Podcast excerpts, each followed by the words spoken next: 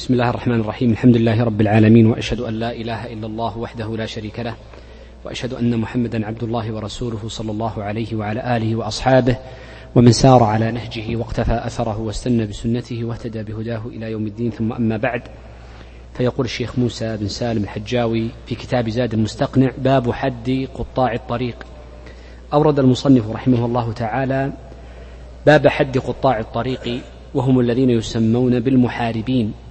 وسموا بالمحاربين موافقة لكلام الله جل وعلا حينما قال سبحانه إنما جزاء الذين يحاربون الله ورسوله ويسعون في الأرض فسادا. وسموا قطاعا للطريق لأنهم يمنعون الناس من المرور فيه ومن منع الناس من المرور فإنه يكون بمثابة القاطع له فهو قاطع لحق الارتفاق فيه. إذ قطاع الطريق يمنعون الناس من المرور خوفا منهم أو خوفا من اعتدائهم على المال ونحوه. وإيراد المصنف رحمه الله تعالى لهذا الباب بعد باب السرقة فيه مناسبة كبيرة لأن قطاع الطريق في كثير من أحايينهم إنما يقطعون لأجل المال فيكون حدهم حد السارق غير أن عقوبته تغلظ فلا يكتفى بقطع اليد فقط بل لا بد أن يكون مع قطع اليد قطع للرجل معها. إذا وجه مشابهتها لحد السرقة أنهم إذا سرقوا المال ولم يقتلوا فإنه لا بد من تطبيق شروط السراق عليهم من حيث النصاب والحرز وعدم وجود الشبهة ونحو ذلك من الشروط التي تقدمت في الدرس الماضي. إضافة لذلك فإنه تقطع يده ولكن مع التغليظ بأن تقطع يده ورجله كما سيأتي بعد قليل. بدأ المصنف رحمه الله تعالى بذكر حد قطاع الطريق أعني بحد أي آه تعريفهم وصورتهم. قال وهم الذين يعرضون للناس بالسلاح في الصحراء أو البنيان فيغصبونهم المال مجاهرة لا سرقة. هذا التعريف الحقيقة أنه تعريف فيه بعض القيود التي لا بد من الانتباه إليها وفي نفس الوقت فإن فيه بعض القيود التي تحتاج إلى إضافة وهذه القيود فتكون خرجت مخرج الغالب. نبدأ أولا بقول المصنف رحمه الله تعالى وهم الذين قوله هم الذين يشمل الذكور والإناث. وبناء على ذلك فإن المحارب قد يكون ذكرا وقد يكون أنثى ولا فرق بينهما. خلافا لأبي حنيفة النعمان فإن أبا حنيفة يرى أن المحارب لا يكون إلا ذكرا وأما الأنثى فلا يقام عليها, عليها حد الحرابة ولا قطاع الطريق. الأمر الثاني أن قول المصنف هم الذين يدلنا على أن المحارب لا يسمى محاربا وقاطع طريق إلا إذا كان قد استوفى شروط التكليف. وبناء عليه فإن من كان دون سن التكليف أو فاقدا الأهلية بفقده العقل أو كان قد عرض عليه عارض من عوارض الأهلية كالإكراه فإنه يسقط عنه حد الحرابة. فالمكره وغير المكلف وفاقد العقل كلهم لا يصدق عليهم أنهم محاربون ولا قطاع طريق. الأمر الثالث أن قول المصنف رحمه الله تعالى الذين يدلنا على أن يعني على سبيل التكلف أنه لا يلزم أن يكونوا جماعة فيمكن أن يكون المحارب واحدا ويمكن أن يكون أكثر من ذلك بخلاف البغي كما سيأتي معنا فإن البغي لا بد أن يكون جماعة. فالمحارب ممكن أن يكون واحدا وممكن أن يكون اثنين وممكن أن يكونوا ثلاثة وهكذا بل قد يكون عددا كبيرا. وسيأتي إن شاء الله عندما نتكلم عن البغي أن من الفروق بين البغي والحرابة في قضية العدد ولكنه ليس دائما. سيأتي إن شاء الله في محله. آه إذا قول المصنف هم الذين يشمل الذكر والأنثى وإنما يخص بالمكلفين ولا وليس قوله الذين خاص بالجمع بل إنه يشمل الجمع ويشمل أيضا آه، الشخص إذا كان واحدا على سبيل الانفراد فإنه قد يسمى محاربا. قال يعرضون للناس بالسلاح. هذا قيد مهم جدا وهو من أهم القيود التي يفارق فيها بين الحرابة وبين غيرها وهو أن يكون المرء الذي أراد قطع الطريق أو الحرابة فإن من شرطه أن يكون يعرض للناس. لا بد أن يعرض ويتعرضهم بالسلاح. إذا هذه الجملة فيها قيدان. قوله يعرض يفيدنا أنه ليس لازما أن يكون قد قتل أو قطع فبمجرد إشهاره السلاح وقطعه الطريق وإبرازه للناس فإنه يكون عرضا للسلاح لا يلزم استخدامه فعرض السلاح يكون في ذاته حرابة ولا نسميه شروعا في الحرابة. وإنما هو في ذاته حرابة. بخلاف القتل القصاص القتل حق الخاص فإن رفع السلاح لا يسمى قتلا ولكنه شروع في قتل قد يعاقب عليه من باب التعزير. أما في باب الحرابة فإن من عرض سلاحه ورفعه لتخويف الناس وقطع الطريق عليهم وكان ذلك على سبيل القهر والمغالبة فإنه يكون محاربا وإن لم يقتل وإن لم يأخذ مالا. إذا هذه أخذناها من قول المصنف يعرضون للناس. القيد الثاني في قوله بالسلاح. كلمة السلاح هذه كلمة مهمة جدا. إذ ما ليس سلاحا فإنه لا يكون حرابة. فمن عرض للناس بلسانه وخوفهم بلسانه لأنه بذيء اللسان لسانه بذيء جدا. بعض الناس لبذاءة لسانه يتعرض للناس فقد يعطونه المال. شر الناس من اتقاه الناس شر لسانه. فلا نسمي هذا الرجل البتة محاربا بعض الناس يجلس في الطريق وهذا تراه أحيانا في بعض الأزقة. تراه يجلس في الطريق ويبدأ يسم ويشتب إلا أن تعطيه مالا. فلكي تكتفي من شره تعطيه بعض المال. لا نسمي هذا محارب البتة لأنه ليس معه سلاح إذا عندنا هنا قاعدة مهمة أنا ضربت باللسان لأنه متفق عليه. سأذكر بعد قليل قيدا آخر. ما هو هذا السلاح؟ هناك سلاح واضح وجلي كالأسلحة الحديثة هذه المسدسات والرصاص وغيره من صور السلاح المتفق عليه السلاح الذي يطعن كالسكين والرمح والسيف وغيره وهذه لا شك في كونها سلاحا. هناك صورة ثانية من السلاح دون ذلك لا يقتل عادة ولكنه يؤذي وهو العصا والحجر. فلو أن أقواما قطعوا الطريق وليس معهم إلا عصي أو يرمون الناس بالحجارة. فهل نقول إنهم محاربون بذلك أم لا؟ مشهور مذهب نعم. ولذلك يقولون عرض للناس بالسلاح ولو بعصا أو بحجر أو حجارة. ولو هنا من باب التقليل أي أنه أقل ما يكون سلاحا هو الحجر والعصا في عادة باعتبار زمانهم.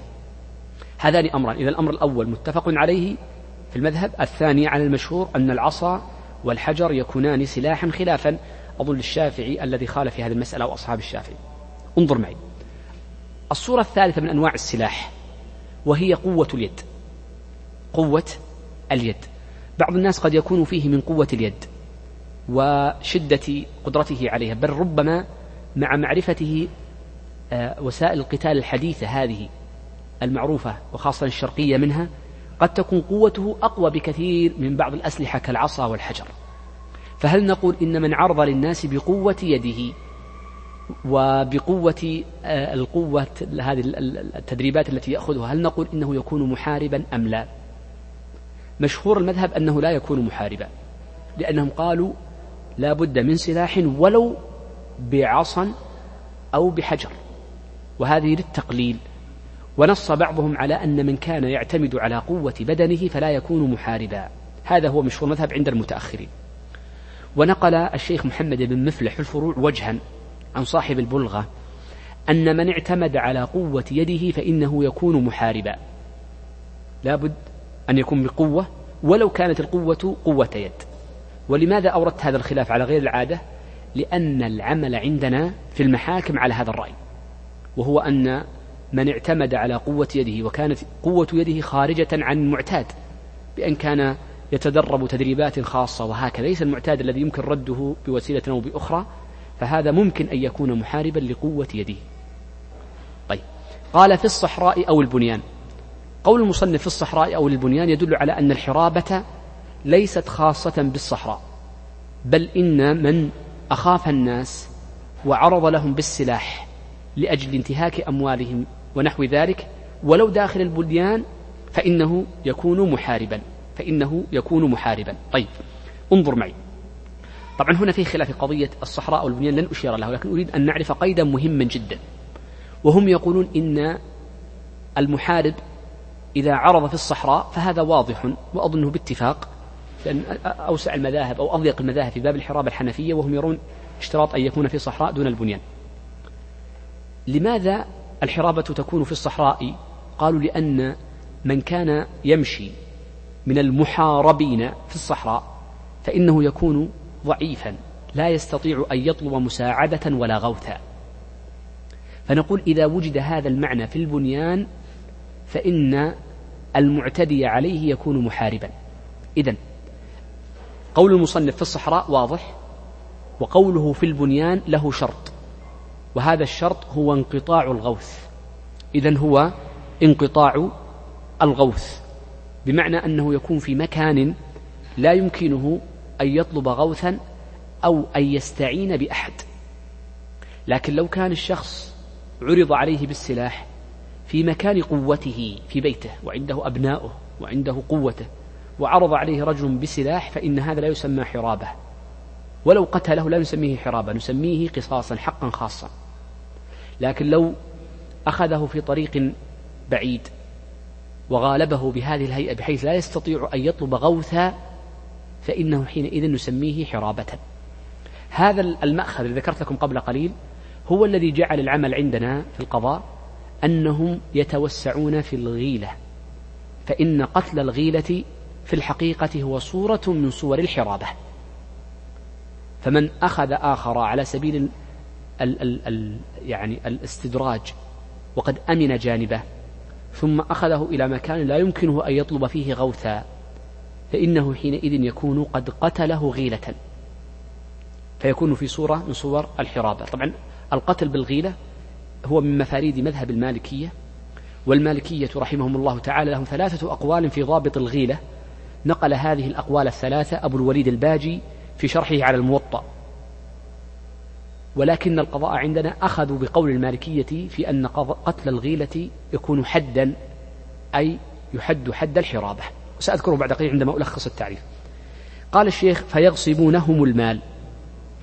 قول الشيخ رحمه الله تعالى يغصبونهم المال عندنا فيها أمران.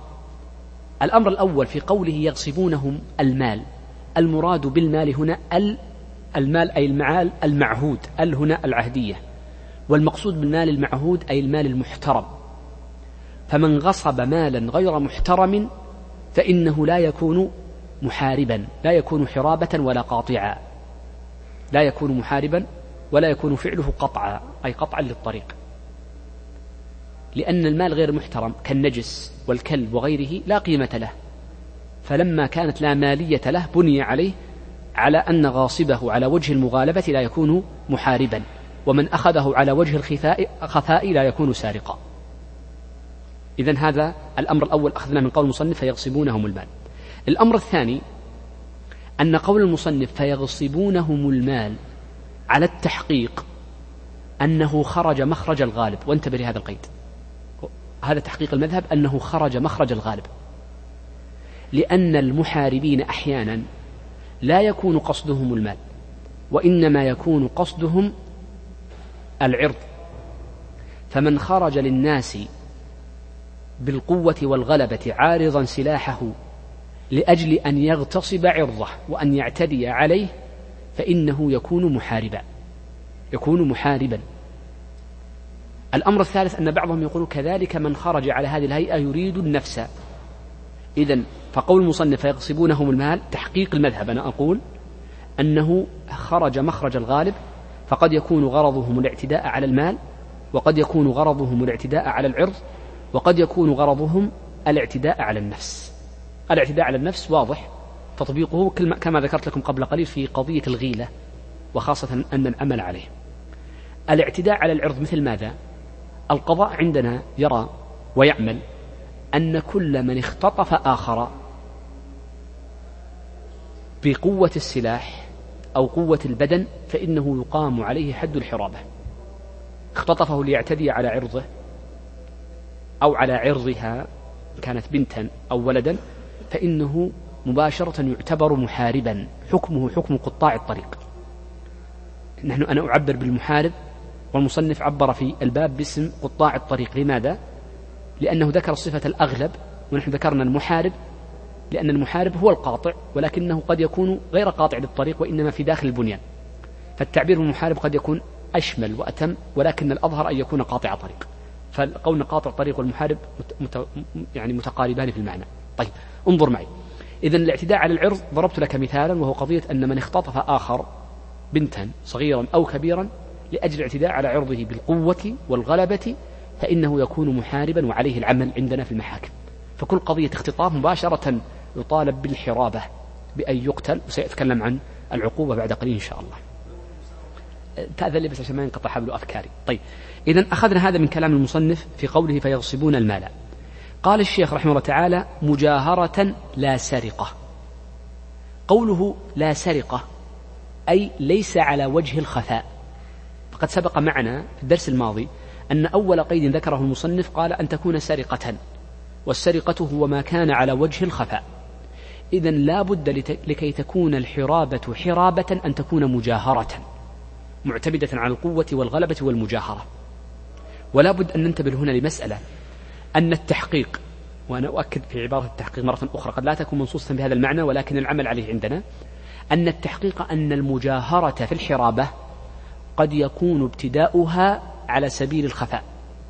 فإن اللصوص أول ما يظهر للناس يكون خفاء ثم يظهرون ويظهرون ويشهرون سلاحهم بعد ذلك. كذلك الذي يدخل سطوا مسلحا على محل تجاري.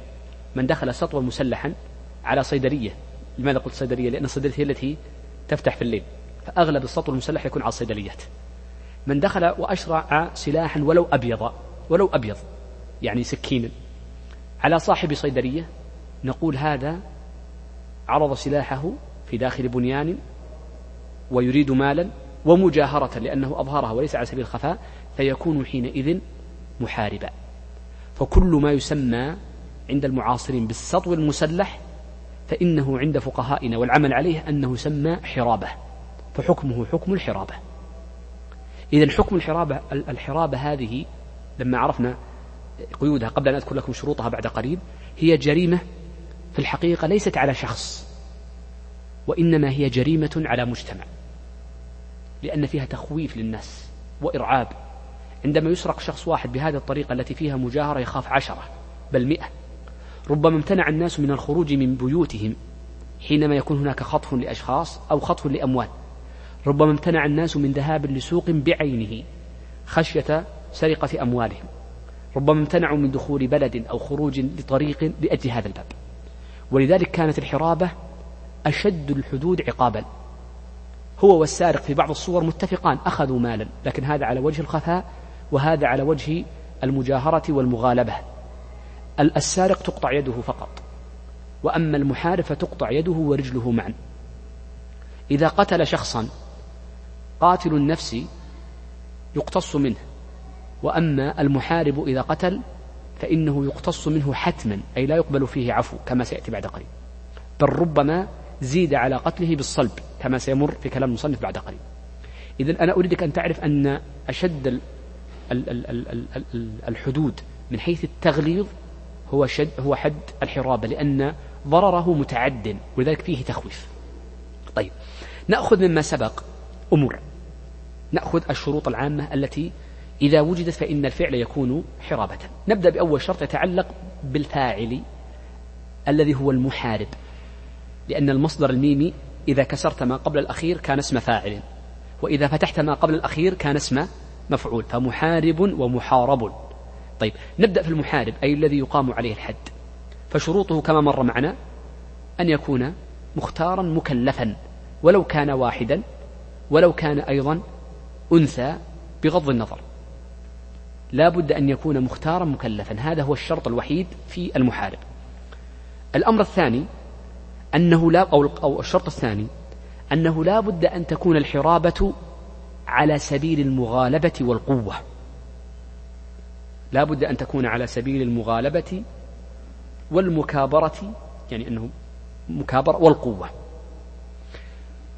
والمكابرة والقوة تتحقق على مشهور المذهب بالسلاح ولو بعصا أو حجر. واضح؟ وعلى الرواية الثانية يدخل فيها قوة اليد ليس مطلق اليد. الذي قوته تكون زائدة عن المعتاد. اثنان يتضاربان باليد هذا لا يسمى حرابة. لكن الرجل استغل قوته البدنية الخارجة عن العادة عادة الناس ثم أصبح يعني يعتدي على أموال وأعراض فيكون محاربا. هذا هو إذن الشرط الثاني. الشرط الثالث أنه لا بد أن تكون الحرابة جهرا وقهرا. لا بد أن تكون مجاهرة وقهرا. فلو كانت على سبيل الخفاء فإنها سرقة وليست حرابة. قهرا أي على سبيل الغصب إذا قال يغصبونهم على سبيل القوة. القيد الرابع أنه لا بد أن تكون الحرابة في مكان أو في موضع لا يمكن الاستعانة فيه بأحد أو طلب الغوث فيه. هذه القيود الأربعة. لكن لو دخل رجل على آخر وهو بين أهله وأولاده وفي قوة عزته ويعني قوة قدرته على الاستعانة. ثم أظهر له المسدس ليعطيه المال وهم حاضرون أو بقوة اليد وأمكنه الاستعانة ولم يستعن فإنه نقول لا نسميها حرابة وإنما نسميها يعني قتلا إذا أدت إلى القتل أو نسميها غصب فتكون فيها تعزير ونحو ذلك لكن لا تسميها حرابة. بعد أن أنهى المصنف رحمه الله تعالى ضابط المحارب وهذا الضابط مهم جدا ولذلك أطلت فيه بعض الشيء. وهو أهم مسألة في الحرابة حقيقة هو ضابط الحرابة مع القيود ذكرناها قبل قليل أربعة. بدأ يتكلم المصنف عن عقوبة هذا المحارب الذي وجدت فيه هذه الشروط. ومشهور المذهب أن قول الله جل وعلا إنما جزاء الذين يحاربون الله ورسوله ويسعون في الأرض فسادا. أن يقتلوا أو يصلبوا أو تقطع أيديهم وأرجلهم من خلاف أو ينفوا من الأرض أن هذا على سبيل اختلاف الحال وأنه على سبيل التنوع لا على سبيل الاختيار. ودليلهم على ذلك أن ابن عباس رضي الله عنهما قال ذلك فقال إن قتل قتل وإن قتل وأخذ المال قتل وصلب وإن أخذ المال قطعت يده ورجله من خلاف وإن لم يقتل وإن لم يقتل ولم يأخذ مالا نفي من الأرض. فقالوا إن ابن عباس هو ترجمان هذه الأمة فهو الأعلم في تفسير هذه الآية فأخذوا بقوله وخاصة أن أو تقتضي التخير وقد تقتضي التنويع وحمله هنا على التنويع. والمسألة فيها خلاف سأشير له لأن العمل على خلافه بعد قليل.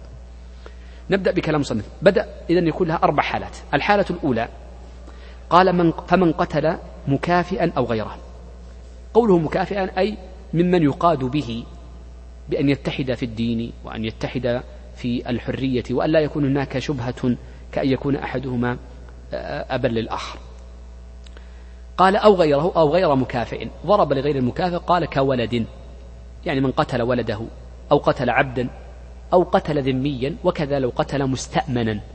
فإن الحرابة من قتل فيها مستأمن يقام عليه حد الحرابة. المستأمن مر معنا في باب الجهاد هو من دخل إلى بلاد المسلمين بأمن بأمان. وبين المستأمن والمعاهد أحيانا يطلق أحدهما ويراد به الآخر وهذا هو الغالب في كتاب في كتب الفقهاء في هذا الباب وقد يراد بهما معنيان مختلفان هنا يراد بهما واحد. فمن دخل على سبيل عهد قصير أو عهد طويل فكلاهما يسمى مستأمنا. كل من دخل يعني الآن مثل صورة الاستئمان عندنا سهلة جدا. كل من دخل لأي بلد إسلامي بطريق رسمي مثل الفيزا تسمى أو التأشيرة كل من دخل بتأشيرة يسمى مستأمن فيأخذ حكم الملتزم في صور دون صور. طيب. قال وأخذ المال قتل ثم صلب حتى يشتهر. انظر معي. الدليل على أن من جمع بين القتل وأخذ المال من المحاربين الذين وجد فيهم الشروط أنه يقتل ويصلب معا تفسير ابن عباس رضي الله عنه للآية وانتهينا منها. طيب ما هي عقوبته؟ قال قتل. هنا قوله قتل أي قتل حتما. قتل حتما. وينبني على قولنا إنه قتل حتما أمران. الأمر الأول أنه لا يخير الإمام بين قتله وبين قطع يديه ورجله من خلاف بل لا بد من قتله. هذا واحد. الأمر الثاني أن قولنا قتل حتما معناه أنه ليس لأولياء الدم العفو فيكون قتله حدا. ولذلك تأتي أحيانا تسمعون في حكم المحكمة يقول يقتل حدا ويقتل قصاصا. متى يقتل حدا؟ إذا كان حرابة. ويقتل قصاصا سبق معنا. ويقتل تعزيرا تكلمنا عنها قبل أن مشهور المذهب أنه لا قتل في التعزير إلا في صور نادرة والقضاء على التوسع في القتل بالتعزير ومرت معنا في بابها. طيب إذا قتل حتما عرفناها. قال ثم صلب. قوله ثم صلب عندنا فيها حكما. وإن شئت نقول أكثر من حكمين تقريبا ثلاثة أو أربعة حسب ما يسمح به الذهن. الأمر الأول قوله ثم ثم يدلنا على أن الصلب إنما يكون بعد القتل. هذا هو المعتمد في المذهب. لا يصلب قبله وإن كان في رواية بالصلب قبل لكن المعتمد أنه يكون بعده. ما دليلكم على أن الصلب يكون بعد القتل؟ قالوا الآية. لأن الآية رتب الصلب بعد القتل. أو يصلب يعني أي يقتل أو يصلب. معناها ويكون يقتل ويصلب. وقد ذكر أبو بكر عبد العزيز بن جعفر شيخ المذهب لا شك. وهو تلميذ أبو بكر الخلال أو تلميذ أبي بكر الخلال. أن القاعدة عندنا أن كل آية في كتاب الله جل وعلا كان فيها عطف بالواو فإنها تقتضي الترتيب بشرط أن تكون هذه الأشياء المعطوف بعضها على بعض مما هو من جنس واحد أو فيها معنى مشترك. وأما إن لم تكن من معنى مشترك فليست للترتيب مثل أقيموا الصلاة وآتوا الزكاة فهذه ليست كذلك. وهذه القاعدة نقلها أبو بكر عبد العزيز نقلها الشيخ تقي الدين عنه في شرح العمدة وأقره عليها واستدل بها على أنها الصلب تكون بعده بعض المتأخرين الحنابلة مثل ابن عوض وغيره. فأنا أريدك أن تعرف أن قاعدة المذهب في الترتيب أن كل معطوف بالواو فالأصل فيه الترتيب بشرط أن تكون المعطوفات من معنى واحد أو بينهما رابط. طيب. آه آه طبعا لماذا؟ لأن القتل قدم طبعا عبارة المتأخرين يقول القتل قدم لفظا وما قدم لفظا استحق أن يتقدم فعلا أن يقتل أو يصلب. وإن أردنا أن نأتي بقاعدة بكر عبد العزيز نقول أن يقتلوا أو يقتلوا ويصلبوا لأن يقتل لأن لا يكون صلب بلا قتل. طيب. هذه المسألة الأولى أن ثم تقتضي الترتيب. المسألة الثانية قوله ثم صلب. ما معنى صلب؟ الصلب قالوا هو أن يرفع على شيء ظاهر للناس كجذع نخلة أو عمود إنارة. ونحن عندنا إذا أرادوا الصلب صلبوا على عواميد الإنارة أو جعلوا له حديدة وعلقوه عليها. إذا الصلب للمحارب يكون على شيء مرتفع. المسألة الثالثة أن قوله ثم صلب يدل على الوجوب. فمشهور المذهب انظر معي مشهور المذهب أن من جمع بين أخذ المال وقتل النفس من المحاربين فيجب قتله ويجب صلبه معا. ودليلهم على ذلك ما روى الشافعي ومن طريقه البيهقي في السنن الكبرى عن ابن عباس رضي الله عنه أنه قال إن جبريل نزل أن من أخذ المال فإنه يصلب. يعني أن أخذ المال من قتل قتل ومن أخذ المال وقتل فإنه يقتل ويصلب. هذا معنى قوله من أخذ المال صلب فدل على أنه على سبيل الوجوب. المسألة الرابعة عندنا في قوله ثم صلب آه، الحقيقة أن نحن قلنا أن الصلب للوجوب الصلب للوجوب على مشهور المذهب لكن الحقيقة أن عندهم صورة واحدة يسقطون فيها الصلب وهو إذا قتل الشخص من ليس مكافئا له.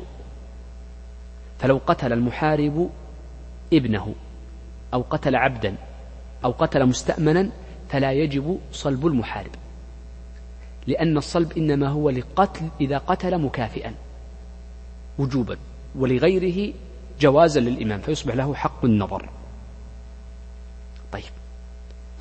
آه عندي هنا حتى قول المصنف رحمه الله تعالى حتى يشتهر حتى هنا ليست تعليلية وإنما غاية لأجل غاية غائية. بمعنى أن الصلب المحارب هذا يعلق مصلوبا حتى يعرفه الناس. ولو تحقق ذلك بلحظات ولو بدقائق. لا يقيد بيوم ولا بيومين ولا بثلاثة ربما يعلق نصف ساعة ثم يترك. وهذا الموجود عندنا الآن أحيانا يصلب ربع ساعة أحيانا نصف ساعة أحيانا أكثر من ذلك بحسب يعني بشاعة جريمته الذي التي فعلها. وبناء على ذلك فإن نقول إن الصلب على مشهور مذهب غير مؤقت وإنما المقصود اشتهار أمره وظهوره لكي ينزجر من كان معه أو كان يود أن يفعل مثل فعله. آه، المسألة الأخيرة قبل أن ننتقل للحالة الثانية لأن الصلب شوي هو الذي فيه مسائل. قوله قتل ثم صلب. الفقهاء يقولون لا يكون صلب إلا بعد قتل من الإمام. وبناء عليه فإن لم يقتل الإمام فلا صلب. فلو أن هذا المحارب مات وحده إما قبل القدرة عليه أو بعد القدرة عليه فإنه لا يصلب.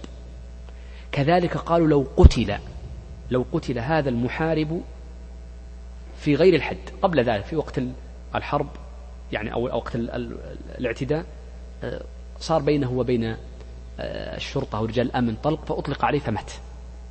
هذا الذي سطى سطع مسلحا ونحوه فإنه لا يصلب. هذا هو مشهور المذهب فيقولون إنه لو مات أو قتل قبل قتله فإنه لا يصلب لأن الصلب مترتب على قتله حدا. هذه الحالة الأولى التي أوردها المصنف. الحالة الثانية قال وإن قتل ولم يأخذ المال قتل حتما ولم يصلب. أي وإن قتل المحارب شخصا من المحاربين ولو صغيرا. ولو غير مكافئ. ولم يأخذ المال فقط لأجل القتل قتل حتما فلا عفو فيها ولا تخيير. ولم يصلب ولم يصلب يعني أنه لا يعلق.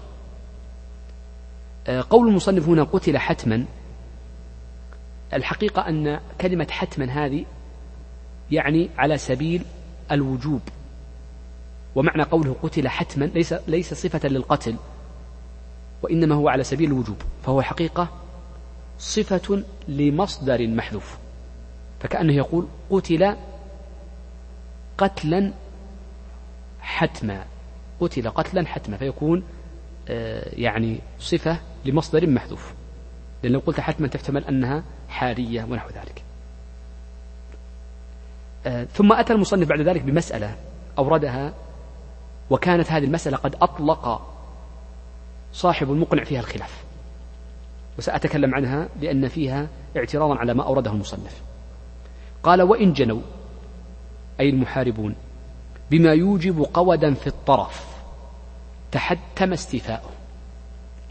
يقول إن هذا هؤلاء المحاربين قطاع الطريق إذا جنوا على شخص فقطعوا طرفا له إصبعا أو يدا أو رجلا أو أذنا أو أنفا مارنا كاملا بأجزائه الثلاثة فإنه يتحتم استيفاؤه.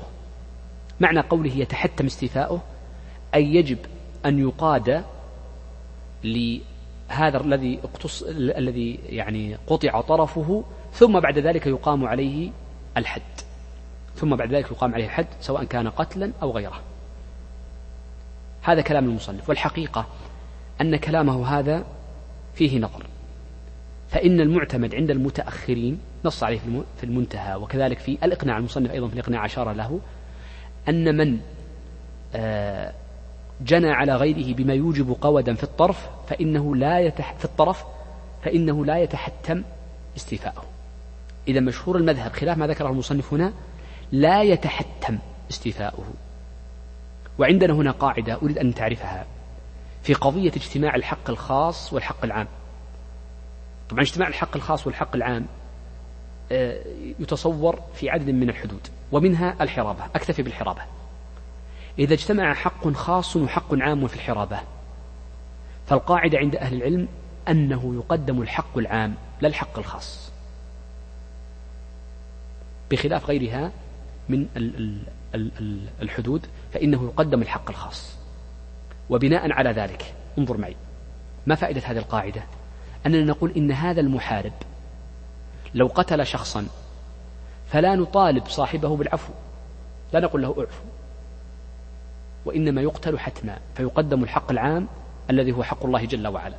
حق العام هذا مصطلح حديث. المصطلح القديم يسمونه حق الله جل وعلا. أضيف لله عز وجل التشريف وعندنا قاعدة كل ما كان من الأشياء المخلوقة. إذا أضيفت الله عز وجل فيكون إضافة إضافة تشريف بيت الله ناقة الله وهكذا.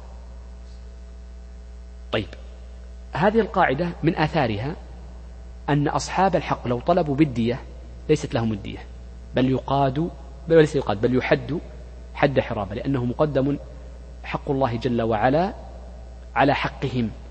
فإذا يعني قتل حدا فات المحل فليس لهم آه، دية وليس لهم غير ذلك. يتخرج على هذه القاعدة أن نقول إن قطع الأطراف يدخل في قتل النفس. فلا, يجو فلا يجب ولا يتحتم آه، أخذ القصاص للطرف وإنما يجوز للإمام أن يفعل ذلك إن شاء. طيب. آه، الحالة الثالثة أوردها المصنف قال وإن أخذ كل واحد من المال قدر ما يقطع بأخذه السارق ولم يقتل قطع من كل واحد يده اليمنى ورجله اليسرى. هذه الحالة الثالثة وهو الذي تقطع يده ورجله من خلاف. أن تقطع يد المحارب من اليد اليمنى ورجله اليسرى. من هو هذا؟ قال الذي يأخذ المال ولم يقتل. وذلك قال وإن أخذ كل واحد من المال قدر ما يقطع بأخذه السارق. عندنا في هذه الجملة أمران. أمر سأشرحه وأمر سأعترض به على المصنف. فأما الذي المراد قول المصنف أخذ قدر ما يقطع بأخذه السارق. هذا يدلنا على أن المحارب لا تقطع يده ورجله معا إلا إذا وجدت فيه شروط السرقة التي سبق ذكرها قبل من حيث النصاب والحرز وانتفاء الشبهة وإخراجه من الحرز وغير ذلك من الأمور التي ذكرناها في الدرس السابق. كذلك الثبوت وما يتعلق به. وهذه واضحة. فإن لم يتحقق هذا الشيء فلا يكون من هذا النوع وإنما يكون على المذهب من الصورة الرابعة سنذكرها بعد قليل. هذا الأمر الأول. الأمر الثاني الذي سأعترضه على المصنف أن قول المصنف وإن أخذ كل واحد من المال قدر ما يقطع. ظاهر هذه الجملة أن المحاربين إذا كانوا جماعة فلا بد أن يكون كل واحد منهم على سبيل الانفراد قد أخذ مالا يقطع به. واضح هذه المسألة؟ طيب. وكلامه هذا فيه نظر. لأن الصحيح والمعتمد أن المحاربين إذا كان مجموع ما أخذوه نصاب فإنهم يقطعون جميعا. كما قلنا في السرقة فإن السراق إذا اشتركوا في سرقة نصاب وكان مجموع ما أخذوه يبلغ نصابا قطع الجميع. فكذلك الحرابة بل هو من باب أولى. وخاصة هذه مسألة لم يذكرها المصنف مع أهميتها. وخاصة أن الردء يأخذ حكم المحارب ولا يأخذ حكم السارق. شوف عندنا السارق معه مشارك الذي شاركه في الفعل. وعندنا ردء. الردء هو الذي إذا انتهى من سرقته رجع إليه واختبأ عنده. مجرد اختبائه عند شخص يسمى ردء. الفقهاء يقولون إن الردء يأخذ حكم المحارب وبناء على ذلك فإن من حث الناس على الحرابة بلسانه أو ساعدهم عليها بماله أو اختبأوا عنده فإنه يكون محاربا في قول الجمهور أبي حنيفة ومالك وأحمد. وأما الشافعي فيرى أنه يعزر فقط هذا الردء وليس ردء أي مرتكب لأي من الحدود يعاقب بالحد إلا ردء المحارب فقط. السارق ردءه لا يعاقب إلا على قول أبي فرج الشرازي الحنبلي ثم المقدسي فإن رأى أن ردء السارق كردء المحارب. إذا الحرابة خطيرة جدا من شدة يعني التنكيل في العقوبة أن ردءه الذي اختبأ عنده وأخفاه يعاقب مثله بكمال العقوبة. أن الذي حثه بلسانه يكون كذلك محاربا. فردء المحارب مثله. وقضى به يقول قضى به الخلفاء الأربعة. كذا ذكره ابن قدامة وغيره. طيب. إذا قول المصنف أخذ كل واحد هذه العبارة فيها نظر. لأنهم إذا اشتركوا جميعا بأخذ نصاب واحد حدوا. وخاصة أن الردء ما يؤيد ذلك أن الردء يحد حد المحارب مع أنه لم يأخذ شيئا. ما أخذ شيئا. ومع ذلك يعتبر محاربا مجرد أنهم اختبوا عنده أو أعانهم على الفعل. طيب. قال ولم يقتلوا. لا يجوز قتلهم على مشهور المذهب لا يجوز قتلهم لأن لابد أن تكون النفس بالنفس وهنا لا نفس فلا قتل. طيب. قال قطع من كل واحد يده اليمنى. مثل ما ذكرنا في صفة السارق يقطع من مفصل الرسخ. ورجله اليسرى. مثل مفصل الذي ذكرناه بحيث أنك يبقى الكعب. يكون من الكعب ولكن يبقى العقب يكون قطع من الكعب لكن يبقى العقب.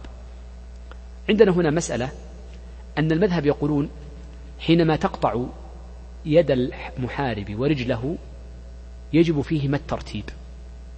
للآية والدليل ذكرت لكم قبل قليل. آه، أن يصلبوا أو تقطع أيديهم وأرجلهم. فهنا قدمت اليد على الرجل فيجب الترتيب فيها فالأصل في كلام الله جل وعلا تمام البلاغة. في كلام الله. فيجب الترتيب عندهم وجوبا فيبدأ باليد اليمنى قبل اليد اليسرى. قبل الرجل اليسرى. قال في مقام واحد لا بد أن يكون في مجلس واحد. وحسمتا عرفنا معنى الحسم وهو وضعها في زيت مغلي وتكلمت عنه قبل. والفقهاء يرون وجوبه على مشهور المذهب وقيل استحبابه. والحقيقة أن أن الحسم آه، كل ما قام مقامه أدى ذلك مثل الخياطة وغيرها. قال ثم خلي يعني أطلق سبيله. ولا يزاد عليه لأن المذهب يرى أنه لا يجوز الزيادة على الحدود بتعازير كالسجن وغيره. الأمر الرابع نأخذه على سبيل السرعة. قال فإن لم يصيبوا نفسا أي المحاربون لم يقتلوا نفسا ولا طرفا ولم يصيبوا مالا يبلغ نصاب السرقة. أو آه، وجد فيه أحد الموجبات سقوط حد السرقة كوجود الشبهة مثلا أو وجود عدم الحرز ونحو ذلك. قال لفوا. وفسر النفي بأنه قال بأن يشردوا فلا يتركون يأوون إلى بلد حيث ما كانوا في بلد واستقروا يأتي ولي الأمر يقول انتقلوا إلى بلد الآخر وحيث كذا فلا يكونوا في بلد بل ينتقل بين فينة وأخرى من البلدان ويستمر على هذه الحالة إلى حين يظهر إلى أن يظهر التوبة. فإذا أظهر التوبة بعد ذلك وظهرت منه فإنه حينئذ يسقط النفي عنه. فيكون منتهى هذه العقوبة التوبة. نص على ذلك في منتهى الإرادات فجعل لها حدا وهو أن تكون إلى التوبة. لا هذه مسألة ثانية تكلمنا عنها قبل في الزنا. لا الآن السجن يختلف عقوبة أخرى. طيب أه وضح عندنا الآن أريد أن نعرف شيئا. وضح عندنا الآن أن عقوبة المحارب أربعة أشياء على سبيل التخيير والتنويع لا على سبيل على سبيل التنويع والاختلاف لا على سبيل التخيير. هذا الذي عليه مشهور المذهب. وأما الذي عليه القضاء عندنا فالقضاء وصدر فيه قرار من هيئة كبار العلماء في آخر التسعينات الهجرية واعتمد من مجلس القضاء الأعلى بعد ذلك أن عقوبة المحارب على سبيل التخيير. يخير ولي الأمر في العقوبة التي يراها مناسبة مناسبة من العقوبات الأربع التي أوردها الله عز وجل في كتابه. ثم بعد ذلك أورد المسلم مسألة سهلة وهي قضية من تاب. فقال من تاب منهم؟ أي من المحاربين. قبل أن يقدر عليه سقط عنه ما كان حقا لله ما كان لله أي حقا لله من نفي وقطع وصلب وتحتم قتل.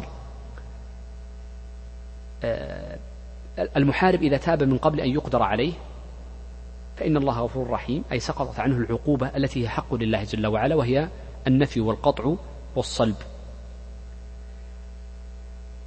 وتحتم قتل يعني ويسقط أيضا تحتم القتل. فلا يلزم قتله. لم يعبر المصنف وسقط عنه القتل لأن القتل باقي. القتل باق. إذا كان الرجل قد قتل آخر. ولكن هذا القتل يكون من باب القصاص ولا يكون من باب الحرابة.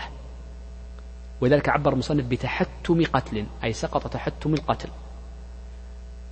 ويكون بقي ما للآدميين ولذلك قال وأخذ بما للآدميين من نفس إن كان قتل فيقتل وطرف ومال إذا كان قد سرق فتقطع يده لأجل السرقة ولكن لا تقطع رجله. قال إلا أن يعفى له عنها أي عما سبق. عندنا هنا مسألة أو مسألتان. المسألة الأولى آه، متى تعرف توبة المحارب؟ القاعدة عندهم أن توبة المحارب تعرف إذا وجدت أماراتها. بالأمارات. فأي أمارة لتوبته؟ بأن ترك السرقة وأظهر الصلاح والصلاة والاجتماع وحضور جماعة المسلمين فظاهره التوبة. إذا تقبل دعواه هو بالتوبة بشرط أن تظهر أماراتها. هذه مسألة. المسألة الثانية أن الفقهاء يقولون إن سائر الحدود تسقط أيضا بالتوبة التي تكون حقا لله وهي, وهي حد الشرب وحد الزنا ونحوها. ولكن ذكر في تصحيح الفروع ثلاث روايات. هل تسقط بالتوبة قبل القدرة؟ أم تسقط بالتوبة قبل الثبوت؟ أم تسقط بالتوبة قبل إقامة الحد؟ ثلاث روايات في المذهب.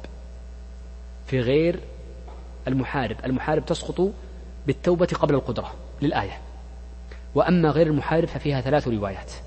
أوردها المرداوي في تصحيح الفروع. والمذهب أنه تسقط بالتوبة. بدأ المصنف في آخر مسألة متعلقة بالحرابة وهي دفع الصائل. الصائل هذا قد يكون الصائل هو من أراد أن يعتدي على مال المرء أو عرضه أو نفسه فإنه يدفع. فإن أدى دفعه إلى إتلاف فإنه يكون هدرا. وهذه قال بدأ المصنف قال ومن صال على نفسه أو حرمته أو ماله آدمي أو بهيمة فله الدفع عنها من صال أي أراد الاعتداء بالقوة والغلبة على نفسه فأراد أن يعتدي على نفس الشخص بأن يريد قتله أو على أحد أعضاء نفسه بأن يريد أن يقطع عضوا منه. موجود الآن. هناك أناس قد يقيدون شخصا ويسرقوا بعض أعضائه. مثل سرقة الأعضاء. يشق بطنه على سبيل المغالبة وتؤخذ بعض أعضائه. فهذا يعتبر صائل لأنه أراد أن يعتدي على أحد أعضائه. قال أو حرمته. حرمته يعني أهل بيته من زوجة وغيره. سنذكر بعد قليل هل هو أنه على سبيل الوجوب في الجميع أو ماله. أراد أن يعتدي على ماله. والفقهاء يقولون ولو قل المال. ولو كان المال قليلا فلك أن تدفعه. ولكنه من صال على النفس أو أو أو الحرمة فيجب دفعه. ومن صال على المال فيجوز دفعه على سبيل الجواز. ليس على سبيل الندب حتى وإنما هو على سبيل الجواز. قوله آدمي. الصائل إما أن يكون آدميا أو أن يكون بهيمة. البهيمة واضحة. كأن يكون شخص جالس فيأتيه ثور هائج أو يأتيه فحل من الإبل هائج كذلك. فيقبل عليه يريد أن يتلف نفسه نفس, نفس الشخص أو يريد أن يتلف عليه ماله. فإنه يدفعه ولو أدى دفعه إلى قتله كما سيمر بعد قليل. فيسمى دفع صائل. هذا إذا كان بهيمة. قد يكون كلبا كذلك مع أن الكلب لا مالية له ولكن لا ضمان فيه لأنه صال هاجع الشخص أو غير ذلك من السباع السباع لها قيمة على المذهب. فلو أنه سبع وصال على شخص سبع يباح اقتناؤه وبيعه وصال على شخص فقتله فإنه لا, لا ضمان عليه. قال أو آدمي. المراد بالآدمي أي آدمي؟ مسلما كان أو كافرا؟ صغيرا أو كبيرا كل من أراد أن يعتدي على المال أو الحرمة لما يعتدي على الحرمة للآدمي أو المال فإنه يسمى صائلا يستثنى هنا صورة واحدة أريد أن ننبه لها وهذه الصورة بإجماع لا خلاف فيها. نقل الإجماع فيها ابن المنذر. قال إذا كان الصائل ولي الأمر أو نائبه فلا يجوز دفعه. بإجماع. وهذه مسألة مهمة لا بد أن ننتبه لها. بعض الناس يأتي مثلا مندوب البلدية ويقول يقول له إن أرضك هذه آه، بنيت في مكان ممنوع البناء فيه. هو يظن أن الأرض له. هذا الشخص العادي يظن أن الأرض له. ومندوب البلدية يقول لا نريد أن نزيل هذا الإحداثات التي وضعتها. فيأتي صاحب الأرض بالمسدس ويقول هذا أريد من قتل دون ماله فهو شهيد. وهكذا. يريد أن يدافع.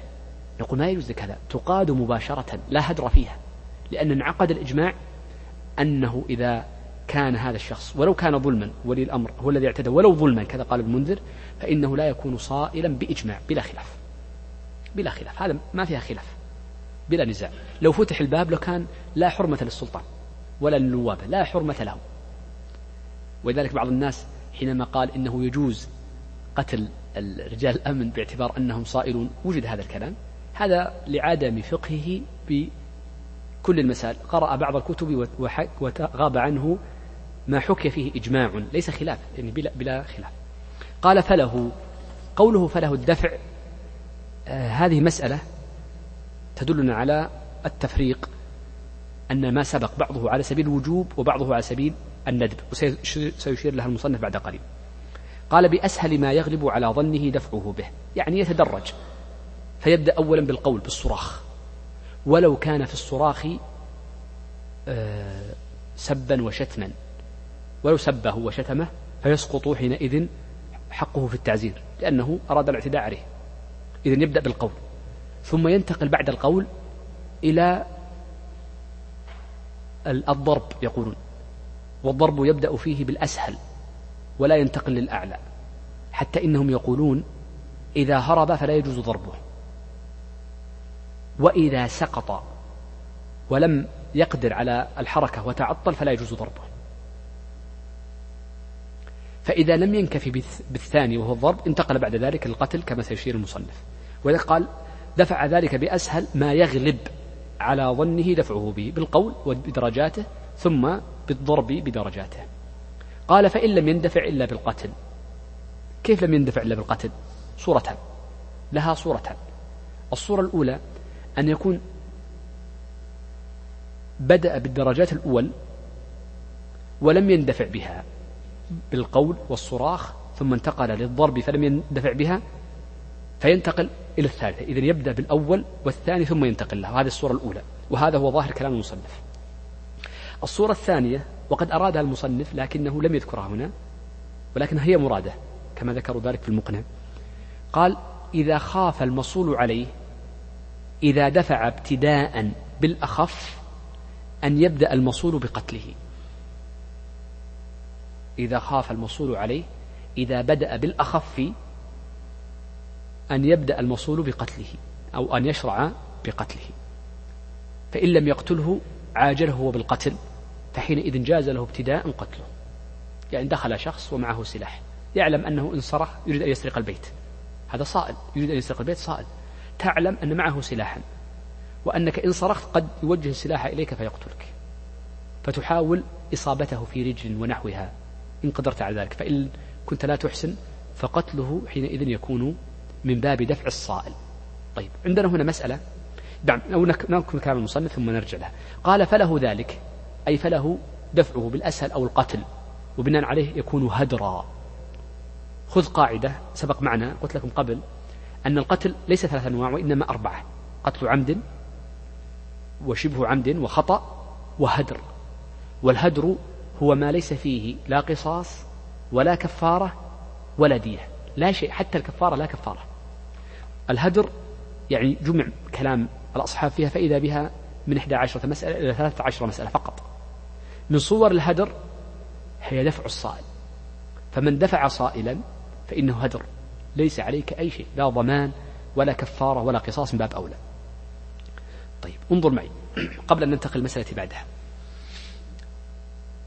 هناك قضية في المحكمة أن رجلا آه، قفز على بيت آخر ليسرق منه مالا. فعندما دخل البيت إذا بصاحب البيت فيه. وكان صاحب البيت قوي البدن. فمسك السارق فضربه ضربا مبرحا وجرحه جرحا شديدا. ثم نادى الشرطة فقبضوا على هذا الرجل. رفعت المحكمة. قالوا المحكمة أسرقت؟ لا لأنه ما خرج من الحجز أصلا ما خرج من البيت ما سرق شيئا.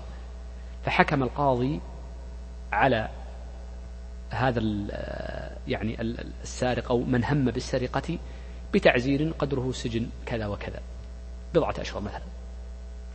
وحكم على صاحب الدار بتعويض قدره خمسمائة ألف.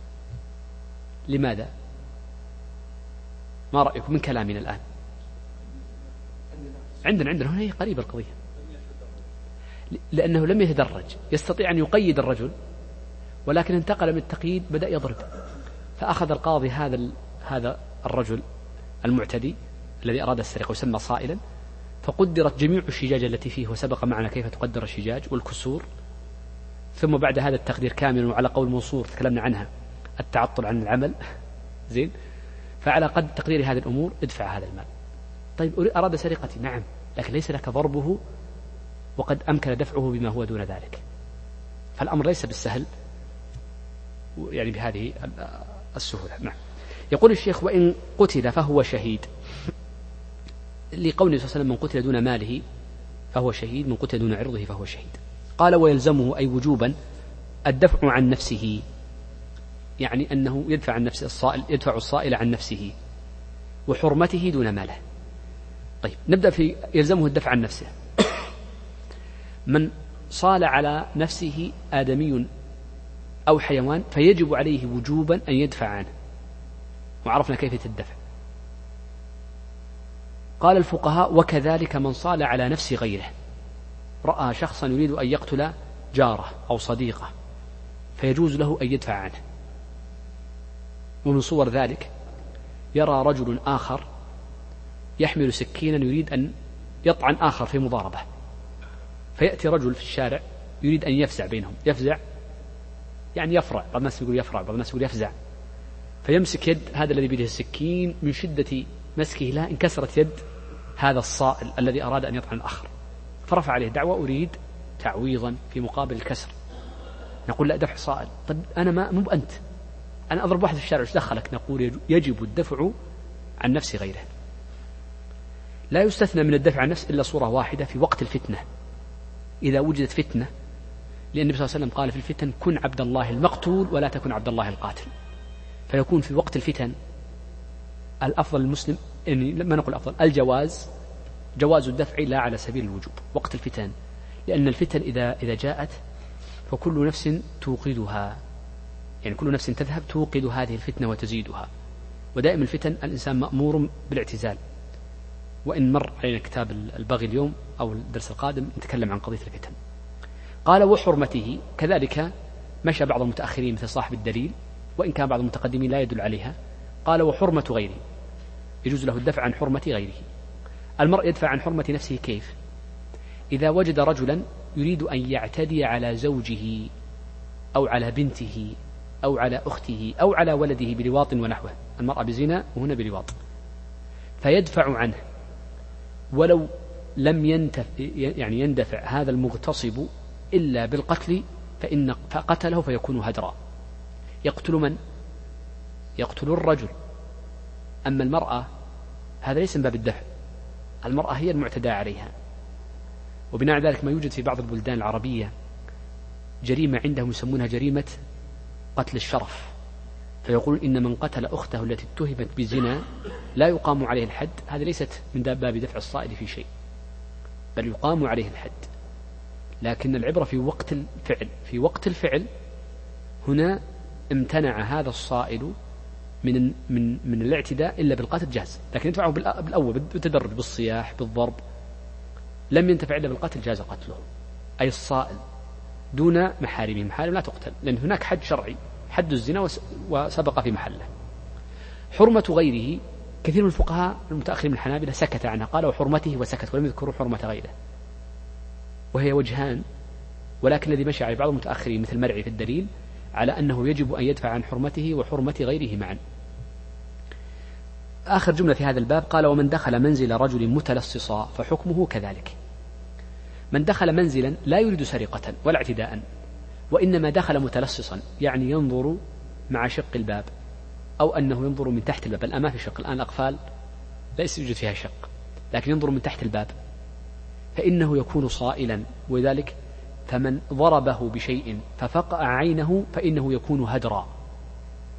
يكون هدرا لحديث النبي صلى الله عليه وسلم في ذلك.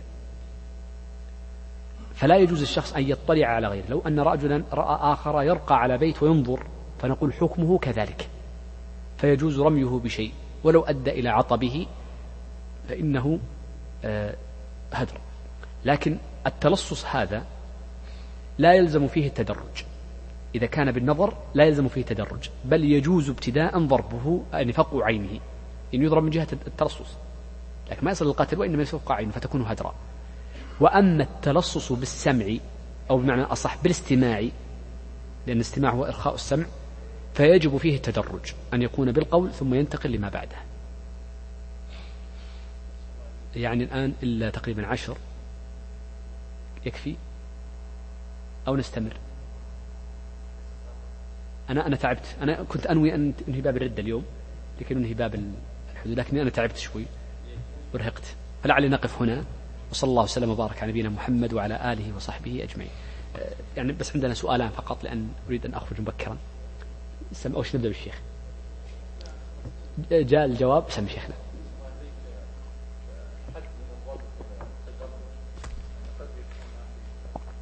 هو شوف يا شيخ الدفع الشرعي القانونيون يسمونه الدفاع الشرعي والفقهاء يسمونه دفع الصائل الشرع عندهم ليس يعني بأنه من الشريعة وإنما مأذون به. آه، دفع الصائل أو ما يسميه القانونيون والمعاصرون بالدفاع الشرعي فيه مشكلة كبيرة جدا وهي قضية ما يسمى بعبء الإثبات. إثباته صعب أمام القضاء. ليس كل من ادعى أن فلانا صال عليه تقبل دعواه. ليس من قتل في بيت إنسان يلزم منه أن يكون المقتول صائلا. قد يكون استدرجه للبيت. قد يكون قتله في الخارج ثم أدخله. ولذلك الفقهاء يقولون إذا كان القتل عن طريق الظهر مثل ما مر معنا قبل قليل أن الهارب لا يضرب. إذا كان القتل عن طريق الظهر فليس صائبا فيبقى هنا قضية عبء الإثبات. عبء الإثبات فقهاء يقولون إنه على الموصول عليه. يجب أن يثبت أنه كان المجني عليه صائلا عليه. عبء الإثبات إما أن يكون بالشهود أو أن يكون بالقرائن لأن القرائن فيها مقبولة. لأن عندنا قاعدة ففرق بين الإثبات والدفع. الدفع يتساهل فيه أكثر من الإثبات. ولكن هذه تتدخل في قاعدة كبيرة جدا. الرفع أولى من الدفع أي أقوى. إثبات الحكم إثباته أصعب من صرفه. فإذا أثبت بشهود أو نحو ذلك من القرائن مثل وجود كاميرات تصوير وغيرها فإنه يقبل قضاء. التدرج عاد يعني يبقى سلطة القاضي التقديرية. القاضي في كل قضية له سلطة تقديرية في الإثبات وله سلطة تقديرية في تقدير العقوبة وخاصة في باب التعازير. الإثبات صعب لكن الله يعينه. لحظة خلينا نبدأ. سمع عبد العزيز.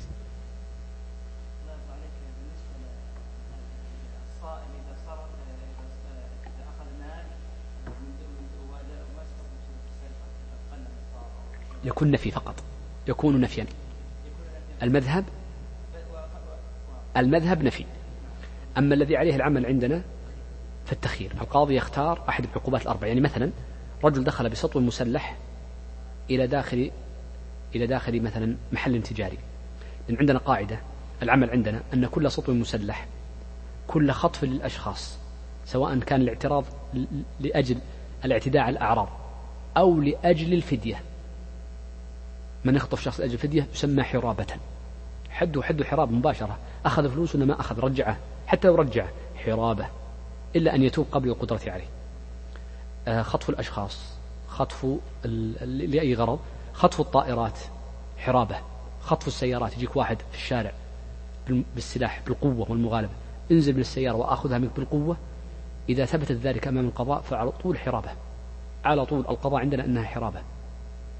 سواء داخل البلد أو في الخارج. أبو حنيفة يرى أنها في الخارج. الجمهور يرون أنها داخل البلد أو خارج بشرط أن لا يكون هناك غوث. آه يعني لها صور كثيرة. اختطاف الطائرات قلت قبل قليل والسيارات.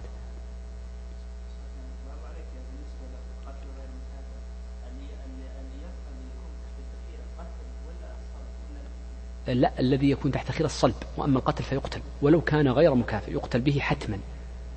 الذي يكون على سبيل عدم الوجوب الصلب. من قتل غير مكافئ تحتم قتله ولم يجب صلبه. المذهب يرون وجوب الصلب. المذهب وجوبا. الرواية الثانية عليها القضاء كرر على سبيل التخيير يعني مثل آخر واحد صلبوه يعني في الرياض عندنا اللي في شرق الرياض. الذي دخل بقالة وقتل الولد مدري الأب علانية والناس شافوه. حدثت بلبلة في الحي. لم يخرج أهل الحي أبناءهم شهرا. شهر كل خايف. كلهم خائفون أن يخرجوا أبنائهم. قتل الأب علانية يريد الاعتداء على عرض الولد. فصلب وعلق أمام قبل سنتين تقريبا قريب يعني أمام المكان الذي آه، وقعت فيه جريمة. هذه حرابة لأنها بالسلاح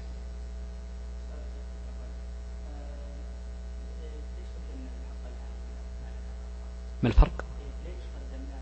آه، في الحرابة لأنها جريمة على عموم المجتمع. لأنها جريمة على عموم المجتمع فيها تخويف. شددت في عقوبتها قدم حق الله عز وجل فيها الردء فيها يحد بخلاف غيرها من الحدود. فعقوبة الحرابة هي قد, قد تقول إنها أشد العقوبات يعني أثر على المجتمع وأشدها عقوبة. الحرابة إثبات وكإثبات سائر الحدود. ما تكلم المصنف على الإثبات نسينا نتكلم عنها بس شوي مع الالتهاب الحلق تعب فيه. سم شيخ مسعود في شيء؟ أي مكان أي مكان؟ سألني تو محمد هل هل السجن يكون نفيا؟ لا ليس نفيا. هو نفي عند أبي حنيفة النعمان. ولكن إن لم يمكن تحقق النفي فيمكن أن يستعاض عنه بالسجن. هو ليس نفي. السجن ليس نفيا. لكن إن, إن, إن, إن تعذر. يعني مثلا عندنا عندنا هنا يوجد نفي عندنا كثير. وخاصة في الزنا الذي يزني ينقل لبلده معينة. مثلا خلينا نقول خرج مثلا. ويوميا يجب أن يوقع مرتين الصباح المحكمة والمغرب في الشرطة يوميا حتى الخميس والجمعة والسبت. ولكن يروح يداوم ينقل ينقل مدرسة. لكن يختار له مدينة يوقع يومين في الأسبوع يومين في كل يوم من غير استثناء. هاي يسمى نفي موجود عندنا الآن كثير جدا جدا ويعيش حياته ولا يسجن. فالسجن أشد من النفي حقيقة. لكن إن لم يمكن النفي تعذر النفي جاز جاز انتقاله إذا تعذر النفي. آه، القضاء عندنا لا ينصون على السجن وإنما يقول نفي وجهات التنفيذ هي التي تختار الأنسب. يخرج المدينة يعني مثلا لو أردنا مثلا في الحرابة طبعا قليل الحرابة في النفي. يعني مثل النفي يعني ينقل من الرياض مثلا إلى مكة ثم بعد شهرين يأتي اذهب إلى المدينة. بعد شهرين اذهب إلى تبوك. بعد شهرين اذهب إلى عرار. يجلس فترة.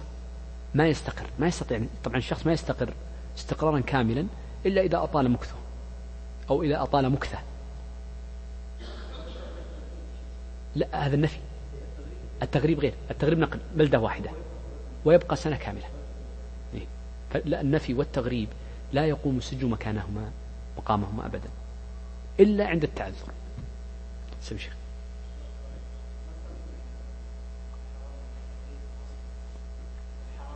الحرابة؟ لا لا شيخ الحرابة بشروطها الأربعة ذكرناها قبل قليل. فإذا كان فيها سلاح على وجه القوة والمغالبة والمكابرة قوة. والأمر الثاني في مكان لا غوث فيه فيكون حينئذ حرابة فيها حد.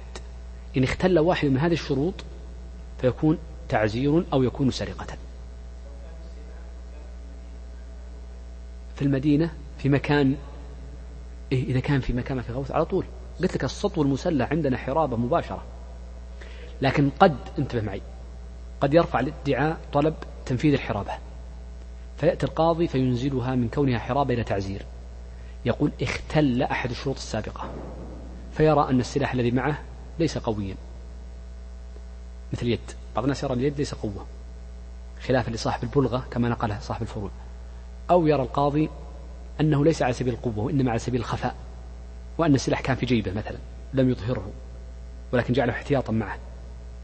أو يقول إنه كان في مكان قريب من الغوث ولكنه لم لم يطلب الغوث.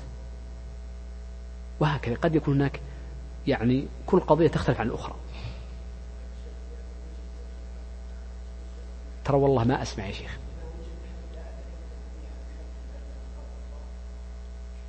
ما فهمت. بعدين طرف أنا الطرف هو العين والطرف هو الأعضاء. إيه. إيه. لا المذهب يقطع ثم يقتل. مو مذهب كلام المصنف عفوا. كلام المصنف يقطع ثم يقتل. بدليل أنه أوردها بعد القتل. فتقطع يده ثم بعد ذلك يقتل. ما يكتفى بالأعلى. التحقيق المذهب نص عليه في المنتهى والإقناع خلاف ما ذكر هنا. لا يتحتم. فيكتفى بالأعلى. ويجوز القاضي لمصلحة ما أن يقطع يده أو يقطع إصبعه أو يكسر سنه وهكذا.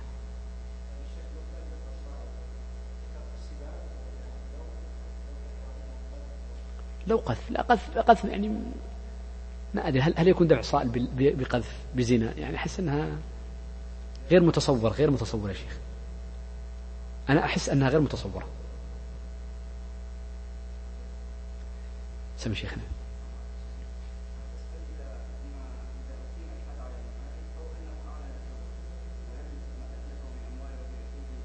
فيها ضمان حق الآدمي التعويض عما أتلفه.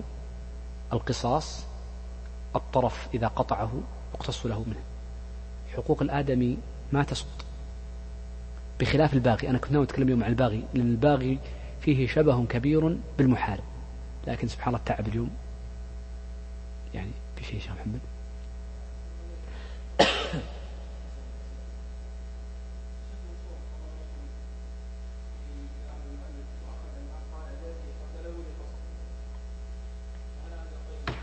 الذي قتله في أي مسألة شيخ؟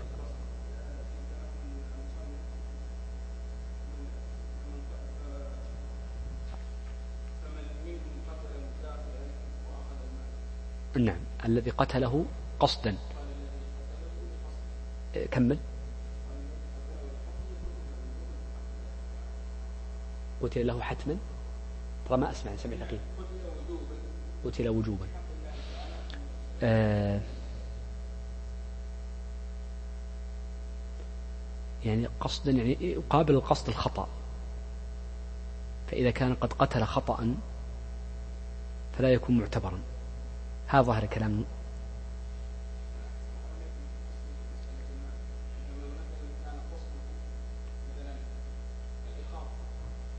امم